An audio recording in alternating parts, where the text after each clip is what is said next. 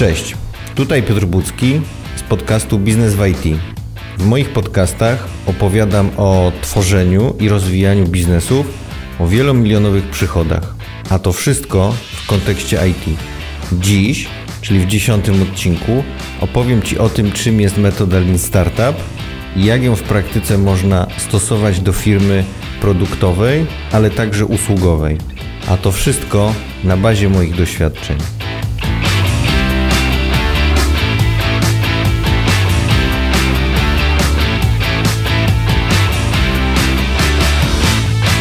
Zanim przejdę do meritum, chciałbym wspomnieć, że jest to dziesiąty odcinek, a więc w pewnym sensie taka mała rocznica. Na początku nagrywania, czy nawet jeszcze przed tym momentem nagrywania, byłem pełen obaw. Tak zwyczajnie, czy będzie ok, czy wiedza się komuś przyda i tak dalej. A tymczasem od wielu osób słyszę, czytam dużo ciepłych słów.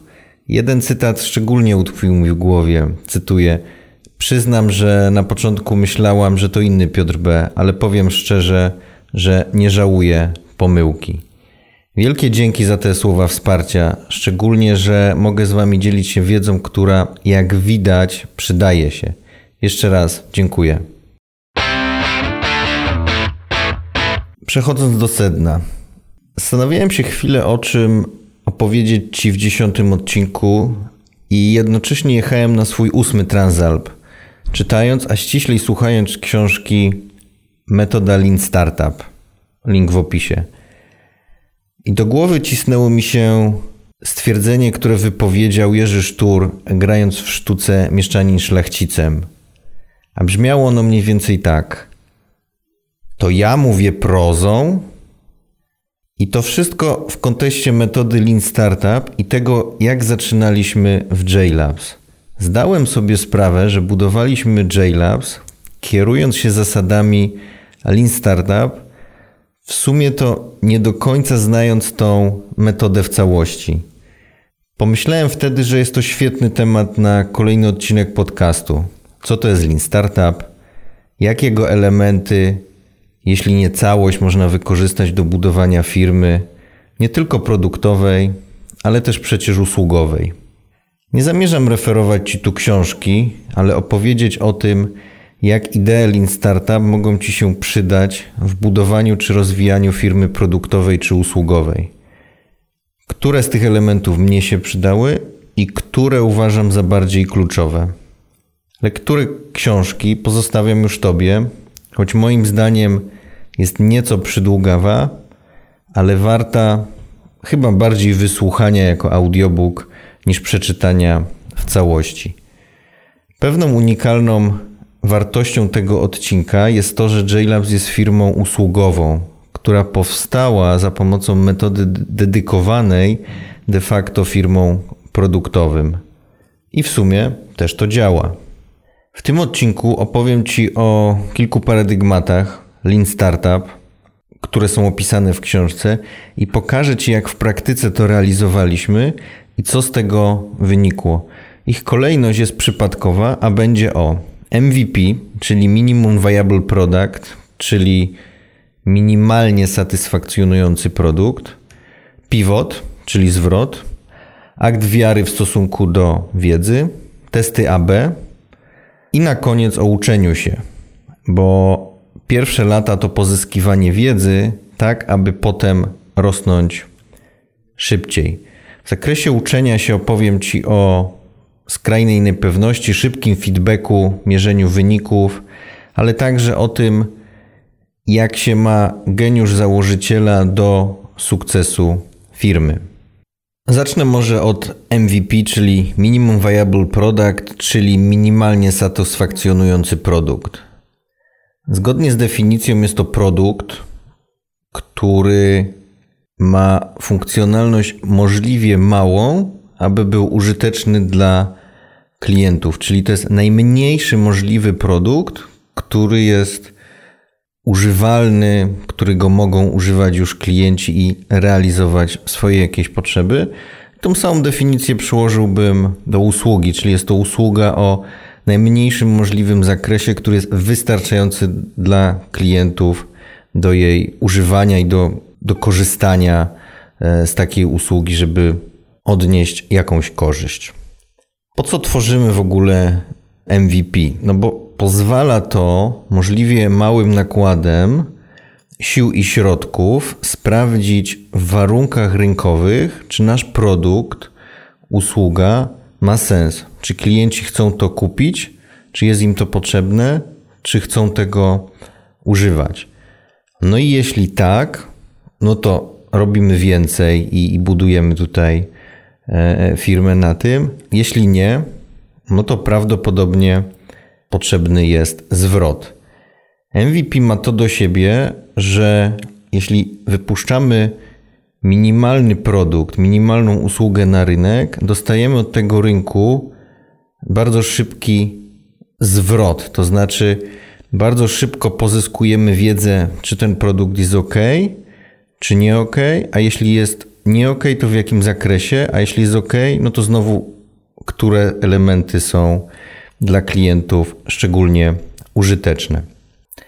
No i jeśli chodzi o JLabs, to w naszym przypadku takim MVP było e, w okolicach powiedzmy 2010 roku zdefiniowanie takiej usługi, która mówiła, że będziemy świadczyć usługę body leasingu na terenie Krakowa i tylko w Javie. Nazywaliśmy to wtedy udostępnianiem naszych specjalistów do projektów naszych klientów.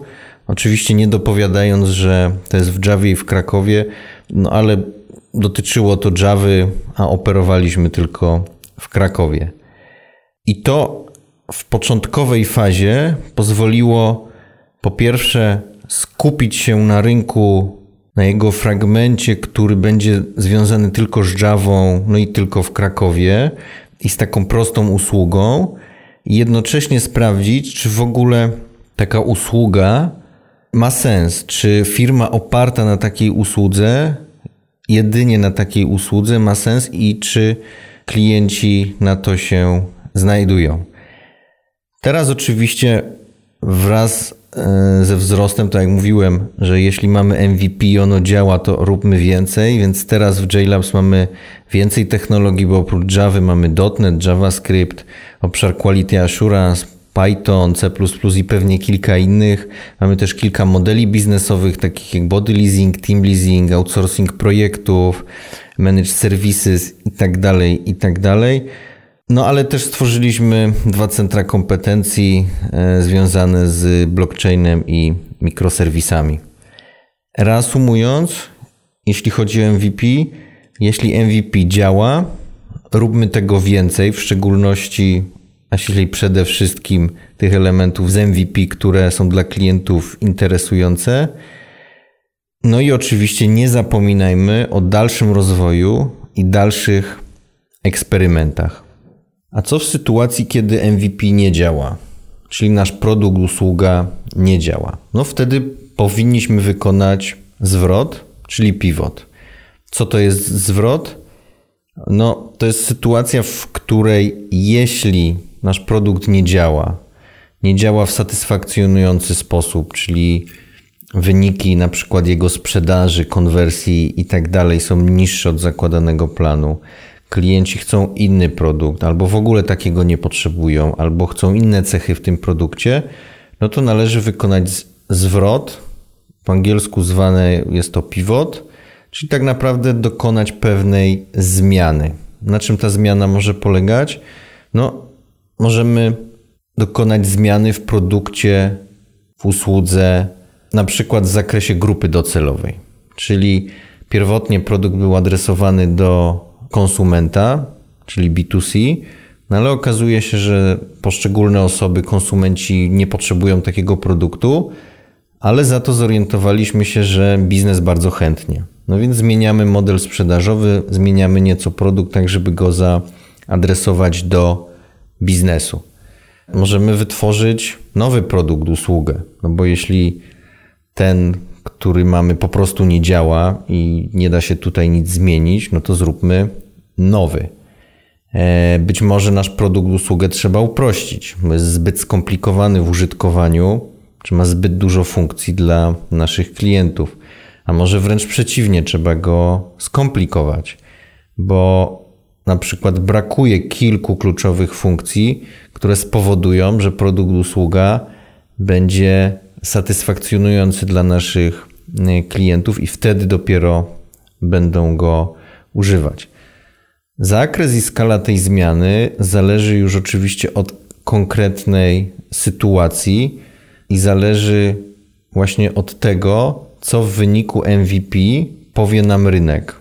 Czy powie nam, że powinniśmy wprowadzić drobne zmiany, bo są pewne drobne braki, czy może powie nam, że ten produkt w ogóle nie ma sensu i, i, no i nie należy go kontynuować. Jeśli chodzi o JLabs, to też mieliśmy w naszej historii taki zwrot. Mianowicie, jak możesz się dowiedzieć z drugiego odcinka podcastu o mojej drodze do 250-osobowej firmy, początkowo zaczynaliśmy jako software house. Chcieliśmy po prostu stworzyć software house, który będzie działał w technologii PHP i Java i będzie wytwarzał oprogramowanie na zamówienie klientów. No i w sumie można powiedzieć tak, no usługa jest znana, rodzaj firmy jest znany, tu jakby nie ma jakiejś skrajnej niepewności, nie, nie trzeba jakichś wielu eksperymentów robić. No i z jednej strony jest to prawda, natomiast z drugiej strony, jak się wejdzie się już w detale, no to trzeba sobie w przypadku takiego software house'u odpowiedzieć na pytanie, ok, ale jaki rodzaj oprogramowania będziemy wykonywać, dla jakiej grupy klientów, nie wiem, dla małych firm, dla średnich, dla dużych, jeśli dla dużych, z kim konkurujemy, e, co musimy umieć, e, jak chcemy to sprzedawać, E, jak chcemy zdefiniować ten nasz produkt, czyli tą naszą usługę, jakie ma mieć cechy, tak? Czy na przykład wytwarzamy super wydajne oprogramowanie, czy może po prostu oprogramowanie takie, jak sobie klient e, zamówi, ale za to w bardzo dobrej jakości. No i oczywiście, jak już mamy zdefiniowany ten zakres usługi, grupę docelową klientów, no to jak będziemy do nich docierać, E, jak będziemy docierać do klientów, z jakim przekazem i tak dalej, i tak dalej. Trochę na ten temat mówiłem w podcaście o sprzedaży, o trzech kluczowych elementach sprzedaży. I my tego zadania domowego, mówiąc wprost i przyznając się jakby bez bicia, nie odrobiliśmy. I, I, nawet nie mogę powiedzieć, że nie do końca, tylko po prostu nie odrobiliśmy. W związku z tym mieliśmy niedodefiniowany produkt, w sensie nie, nie do końca zdefiniowaną usługę. Nie do końca wiedzieliśmy, jak docierać do klientów i do których. W związku z tym ta definicja usługi, ten w cudzysłowie produkt, po prostu nie trafił e, w rynek. E, no i rynek nam to bardzo szybko, bardzo szybko powiedział. I skoro działania w zakresie software house'u e, nam nie działały, no to zaczęliśmy szukać czegoś innego i tutaj klienci sami nam podpowiedzieli, czyli właśnie znowu jest ten zwrot z rynku. Powiedzieli nam tak: hej, projektu od Was nie chcemy. Nie chcemy, żebyście nam wytwarzali oprogramowanie na zamówienie, bo nie mamy takiej potrzeby. Ale za to mamy potrzebę na to, żebyście nam udostępnili, w cudzysłowie wypożyczyli jednego z Waszych specjalistów, bo mamy pewne braki osobowe u nas w projekcie i ten projekt dla naszego klienta musimy e, dokończyć. No i tak sobie na ten temat myśleliśmy, myśleliśmy, no i w końcu któregoś dnia ułożyło mi się w głowie właśnie takie MVP właśnie na body leasing, e, o którym przed chwilą mówiłem.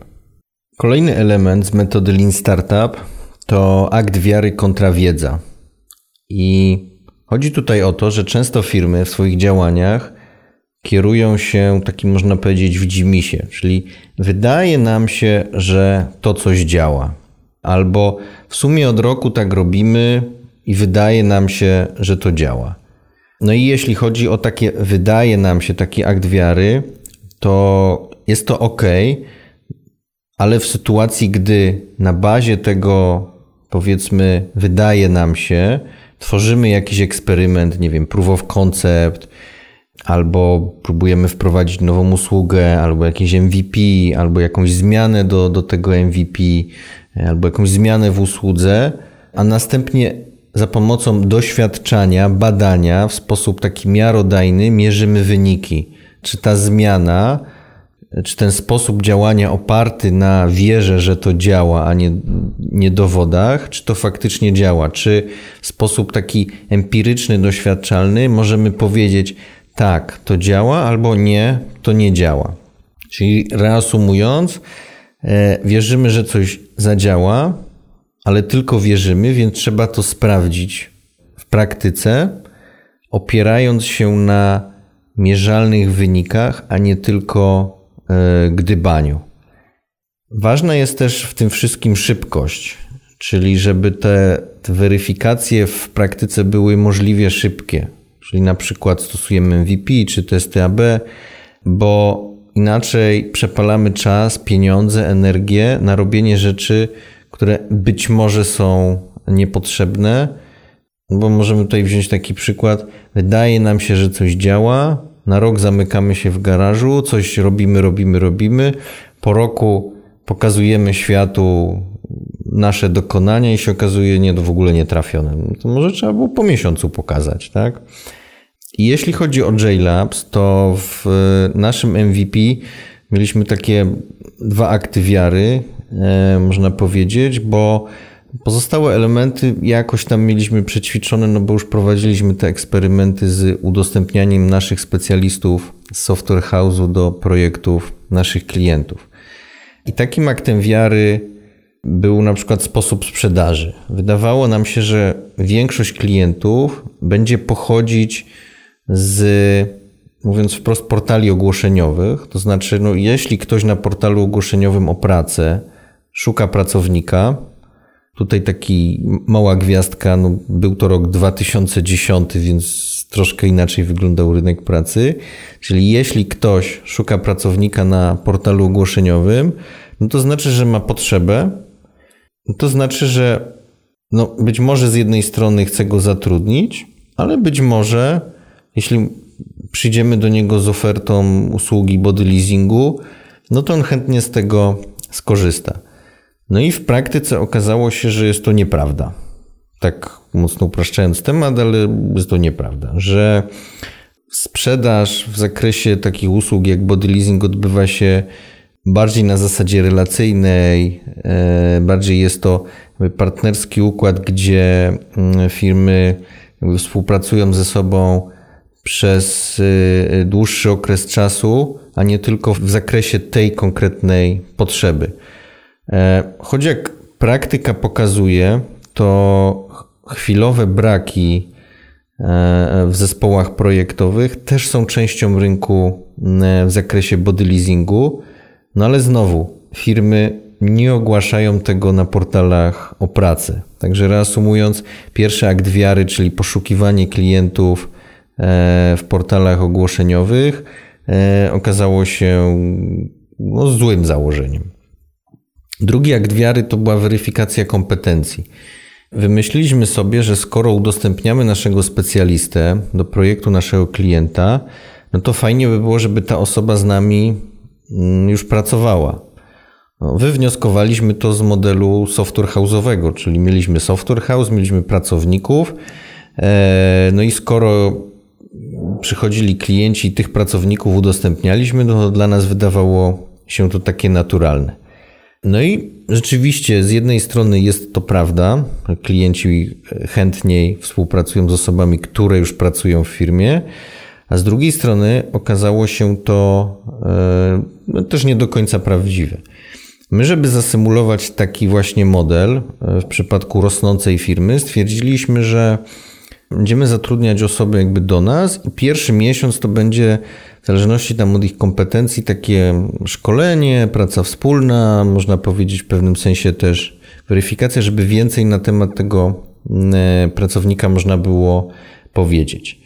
No i jak na to rynek zareagował? Po pierwsze okazało się to bardzo kosztowne, no bo w skali na przykład roku jeden miesiąc e, e, takiej pracy u nas, no to jest tak mniej więcej koszty wynagrodzenia rosną o 10% dla, dla firmy. Tak? Okazało się, że w zasadzie jest to niepotrzebne dla klientów. To znaczy, dla klienta jest to fajny bonus, taki nice to have. To znaczy, no jeśli macie kogoś, kto już u Was pracuje, no to jest fajniej niż kogoś, kogo właśnie zrekrutowaliście. Ale okazało się też, że klienci i bez tego bonusu kupowali po prostu od y, naszej konkurencji. Z drugiej strony, y, czyli ze strony pracowników, jak ja to mówię, drugiego rodzaju naszych klientów, czyli deweloperów, było to dziwnie postrzegane. No bo jak wytłumaczyć senior Java deweloperowi, że go będziemy teraz przez miesiąc uczyć, jak on przecież już umie, i w sumie jest to prawda, no jeśli faktycznie jest oczywiście seniorem. No i po jakimś czasie zrezygnowaliśmy z tego miesięcznego okresu, takiego można powiedzieć szkoleniowo-weryfikacyjnego.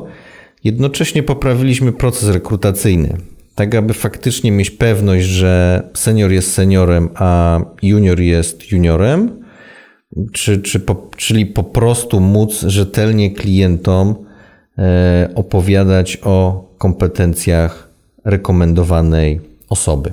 Idąc dalej, mamy testy AB.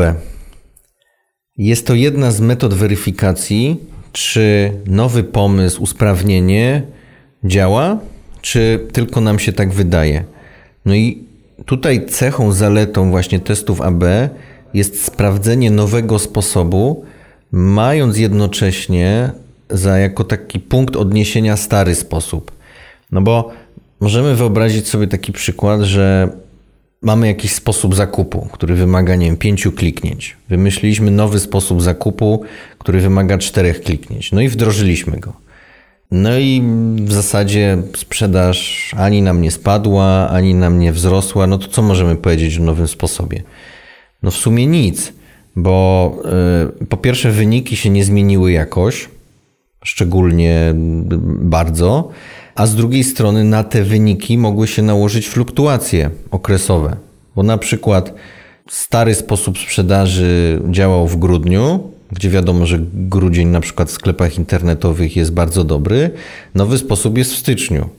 No i w sumie wyniki stycznia od grudnia się niewiele różnią, ale mamy już nowy sposób, więc nie wiemy, czy w styczniu do, mieliśmy dobrą sprzedaż, bo mamy nowy sposób sprzedaży, czy po prostu styczeń, w przeciwieństwie do kilku poprzednich lat, po prostu był dobrym miesiącem, bo na przykład mieliśmy wyprzedaż poświąteczną i ona mm, e, dobrze działała.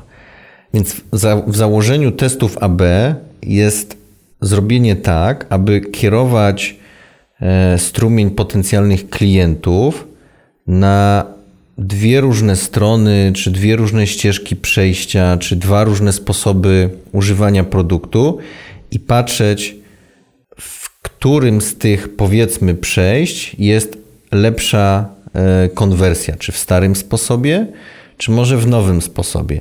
Jeśli te dwie rzeczy odbywają się jednocześnie, no to fluktuacje okresowe, jakieś zawirowania, które dotyczą całej naszej platformy, rynku, czegokolwiek, nie będą e, wpływać na ten test, no bo one tak samo dotyczą e, sposobu A, jak i sposobu B, więc możemy w naturalny sposób ten sposób, ten test A do testu B po prostu porównać. Takim przykładem też testów AB jest na przykład mailing w marketingu, czyli bierzemy sobie naszą bazę potencjalnych klientów, i zamiast zgadywać, jaki e-mail na nich najlepiej zadziała, o jakim temacie, o jakiej treści, który, jaki rodzaj tekstu należy napisać, żeby klienci dobrze, dobrze w to klikali, żeby konwersja była e, dobra, żeby sprzedaż była dobra, bierzemy sobie na przykład 10% bazy potencjalnych klientów i wysyłamy do tej puli klientów na przykład dwa różne maile i patrzymy, który z tych maili będzie działać lepiej. No i jeśli mamy jeden z nich działa wyraźnie lepiej, no to wtedy ten mail tylko wysyłamy do pozostałej części naszych potencjalnych klientów, czyli w tym moim przykładzie do 90%. No i tak to mniej więcej w dużym uproszczeniu działa. I znowu, jeśli chodzi o JLabs, jeśli czekasz na to, jakich testów AB e, wykonywaliśmy e, w JLabs, no to muszę cię rozczarować, nie robiliśmy takich rzeczy. A wynika to z tego, że klienci jako tacy e, to jest zbyt mała próba. W tej chwili na przykład mamy 39 klientów, akurat wczoraj to liczyłem, no więc to jest trochę za mała próba, żeby jakieś takie testy wykonywać. Jeśli chodzi o docieranie do, do, do kandydatów czy pracowników, to, to kwestia jakby etapu rekrutacji, e, no to cały czas eksperymentujemy oczywiście z różnymi kanałami, zajawkami, komunikatami itd. Tak e, natomiast nie stosowaliśmy tam testów AB, natomiast na bazie tych eksperymentów, e, na bazie zdrowego rozsądku, własnej wiedzy, pytań od kandydatów, czyli takiej jakby komunikacji, można powiedzieć, z rynkiem, tak, z perspektywy Lean Startup, to takiej właśnie komunikacji z rynkiem. Pozyskaliśmy od kandydatów wiedzę, no właśnie jaka wiedza jest dla nich kluczowa e, w procesie rekrutacyjnym, no i trochę o tym mówię w trzecim odcinku podcastu o rekrutacji. Reasumując, jeśli chodzi o JLabs, e, czasem w pewnych działaniach stosujemy testy AB, ale bardziej, aby sprawdzić, jaki rodzaj maila zajawki zadziałają, a nie tak, jak to jest opisane w książce, czyli nie tak, jak to jest w rozumieniu Lean Startup.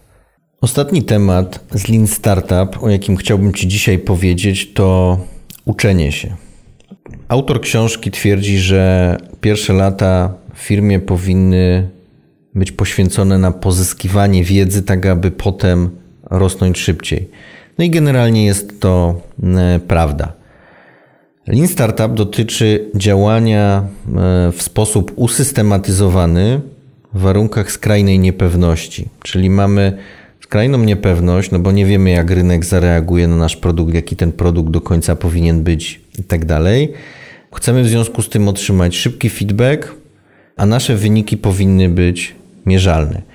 Czyli reasumując, w sposób taki, można powiedzieć, iteracyjny, chcemy szybkiego prototypowania, na przykład MVP, czy dalszych eksperymentów, szybkiego feedbacku opartego na danych, na informacji z rynku, a nie akcie wiary. No bo przecież nie chodzi o to, żeby zamknąć się w cudzysłowie w garażu na dwa lata, rozwijać świetny software, który po premierze jest może informatycznie genialny, ale w zasadzie nikomu do niczego niepotrzebny.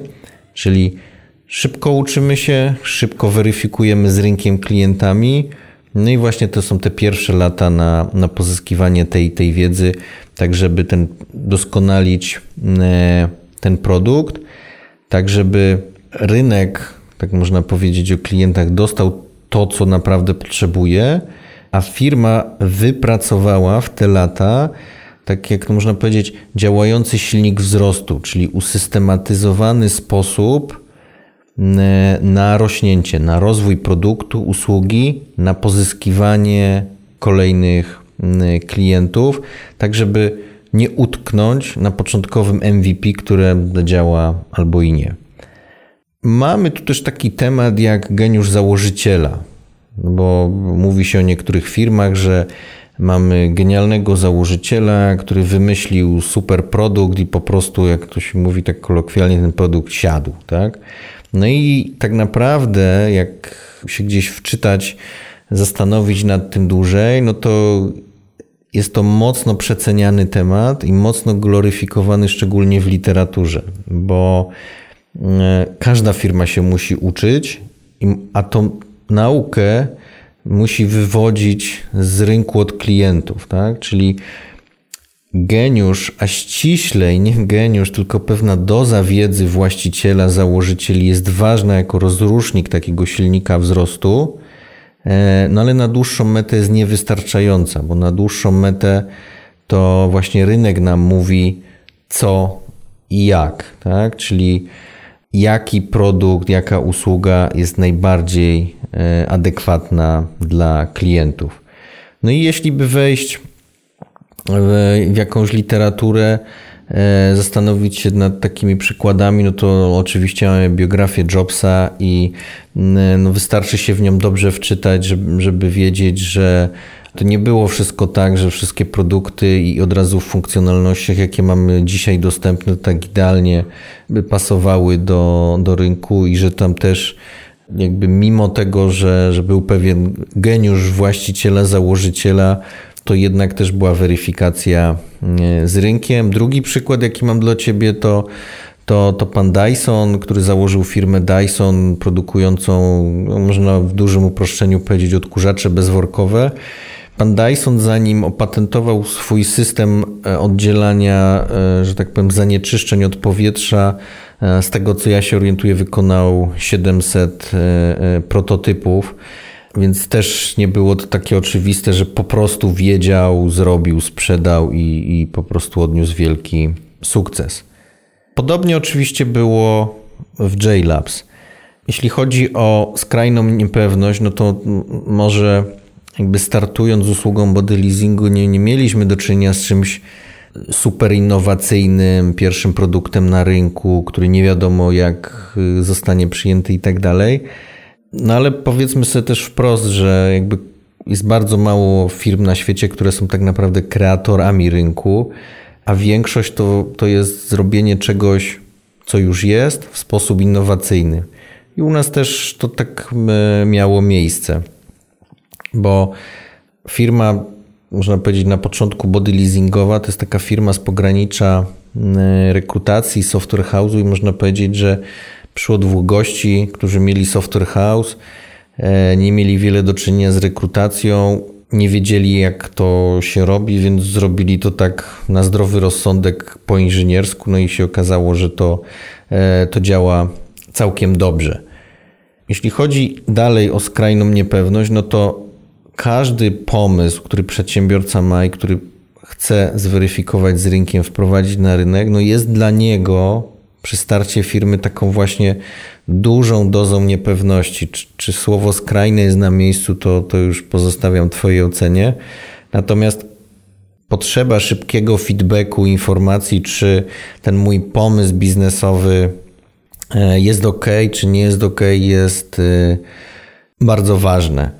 No my jak y, zakładaliśmy JLabs, no to w branży już byliśmy 10 mm, y, y, lat, próbowaliśmy tego, więc w cudzysłowie ten geniusz założycielski, czyli tą wiedzę na start e, już mieliśmy. Natomiast zasadnicze pytanie polegało na tym, czy sam wąsko specjalizowany model biznesowy, jaki mieliśmy, czyli body leasing w Javie i w Krakowie, zaskoczy jako w pełni funkcjonalny model biznesowy e, stanowiący po prostu firmę, a nie jako dodatek do, do software house'u, bo wtedy część usług body leasingowych świadczyły software house'y, które na przykład miały przestój e, w projekcie. No i w naszym przypadku okazało się, e, że tak, że wąsko specjalizowany model biznesowy, taki, taki po prostu taki MVP e, może być e, bardzo dobrym e, fundamentem do, do, do, do firmy, która zacznie działać. No i pierwsze 5 lat dla nas, dwa lata jako software house, 3 lata już jako JLabs po, po pivocie, no to było, to były lata nauki, tak? Początkowo nam się wydawało, że, że wiemy o rynku wszystko, no jesteśmy z IT, mamy doświadczenia bardzo szerokie. E, no a po dwóch, trzech latach prowadzenia firmy okazało się, ile jeszcze wcześniej nie wiedzieliśmy i ile nowych rzeczy dowiedzieliśmy się, czyli na tej już dużej e, bazie wiedzy zrobiliśmy jeszcze gigantyczną nadbudowę w zasadzie we wszystkich obszarach, może poza, poza e, specyficznymi tematami e, z IT. Te 5 lat też to było poznawanie rynku, tak? Poznawanie rynku, pokazywanie się też na nim, bo e, no co z tego, że masz świetny produkt, usługę, jak nikt o tym nie wie. Tak? I to z mojej perspektywy jest to taki mocno niedoceniany aspekt. To znaczy, wielu osobom wydaje się, że E, no przecież jak będę mieć świetny produkt, usługę, to to, to po prostu zaskoczy. No, no nie, no nawet iPhone'a się reklamuje w, w telewizji, tak? No i jak już zrobiliśmy, jak to się mówi, y, zapłaciliśmy frycowe przez te 5 y, lat, to w zasadzie zaczęliśmy błyskawicznie rosnąć. No i e, stąd te w ostatnich kilku latach wzrosty praktycznie 50% rok do roku.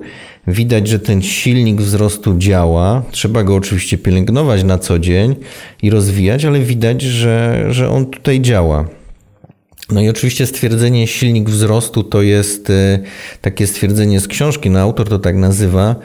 Natomiast w naszym przypadku no to są po prostu e, ludzie w JLabs, JLabs Team, tak? I, i to na nich e, to, to wszystko się opiera, tak? Na nich, ale też na dobrze zdefiniowanej usłudze, takim know-how firmy, czyli tym, co tak naprawdę sprzedajemy, jak to robimy, e, jakie mamy gdzieś tam procesy, dobre zwyczaje, czy wreszcie e, wartości firmowe.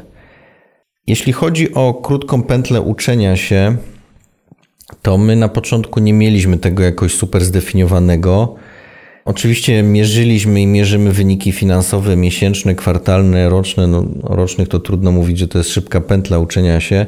Natomiast mierzyliśmy to i widać było na samym początku, jak już zrobiliśmy to MVP, że jest potrzeba na rynku, że docieramy do klientów, że są zadowoleni z naszej usługi i chcą więcej. Czyli nie był to już taki akt wiary, że no dobra, body leasing Java Kraków może zadziała, e, tylko wprost no, klienci nam mówili tak, świetnie, mamy już od Was na przykład dwie osoby, chcemy jeszcze, nie wiem, jeszcze dwie, jeszcze pięć. E, byli też klienci, którzy mówili Java ok, ale chcielibyśmy jeszcze dotnetowców.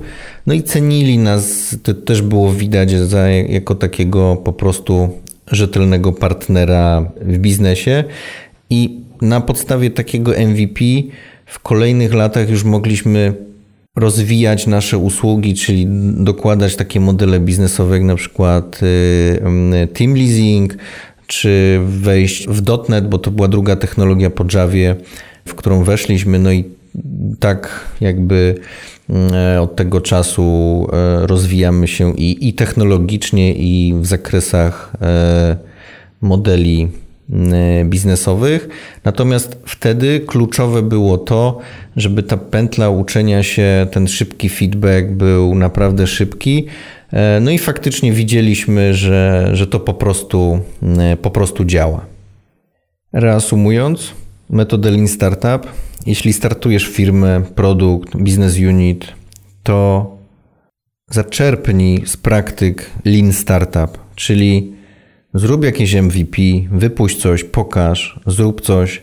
Nawet jeśli to wczesna alfa, zobaczysz, co ludzie powiedzą. Tak było na przykład z okładką do tego podcastu, gdzie zrobiłem coś w kanwie wieczorem, wrzuciłem na Facebooka, zobaczyłem, co mi ludzie powiedzą i dowiedziałem się, że mm, no, może jest fajna, ale w zasadzie fajniej by było skorzystać z usług profesjonalnego grafika i że to, to jest zbyt mało. Eksperymentuj, aby pozyskać wiedzę. MVP, testy AB, jak najbardziej jest to pomocne. Chodzi o to, aby wiedzieć, jakie są czynniki sukcesu jakie są czynniki porażki, ale wiedzieć to w sposób taki miarodajny, oparty na faktach. Pętla uczenia się powinna być możliwie mała, krótka, oparta na faktach, a nie aktach wiary. Czasem trzeba zrobić zwrot, czyli pivot. Jeśli okazuje się, że nie idziemy w dobrą stronę i nie ma w tym nic złego, im szybciej się zorientujesz i to zrobisz, tym lepiej. W cudzysłowie geniusz i wiedza założyciela jest oczywiście potrzebna jako iskra startowa na rozruch, ale jest niewystarczająca do zbudowania pełnego produktu usługi, czyli tego silniku wzrostu, bo wiedza o produkcie, usłudze jest w rynku, w klientach. Na dzisiaj to tyle. Dziękuję za wysłuchanie. Jeśli podcast podoba Ci się, zostaw proszę recenzję w iTunes. Pomożesz mi w ten sposób dotrzeć do innych osób z tym podcastem. Zapraszam do śledzenia fanpage'u podcastu. Jest zarówno na LinkedInie, jak i na Facebooku. Znajdziesz tam więcej wiedzy niż tylko ta, która jest publikowana w podcastach oraz informacje o tym, kiedy wychodzi najnowszy odcinek. Zapraszam oczywiście do znajomych na Facebooku, LinkedInie. Wszystkie linki w opisie do podcastu. Dziękuję za wysłuchanie, pozdrawiam i działaj mądrze.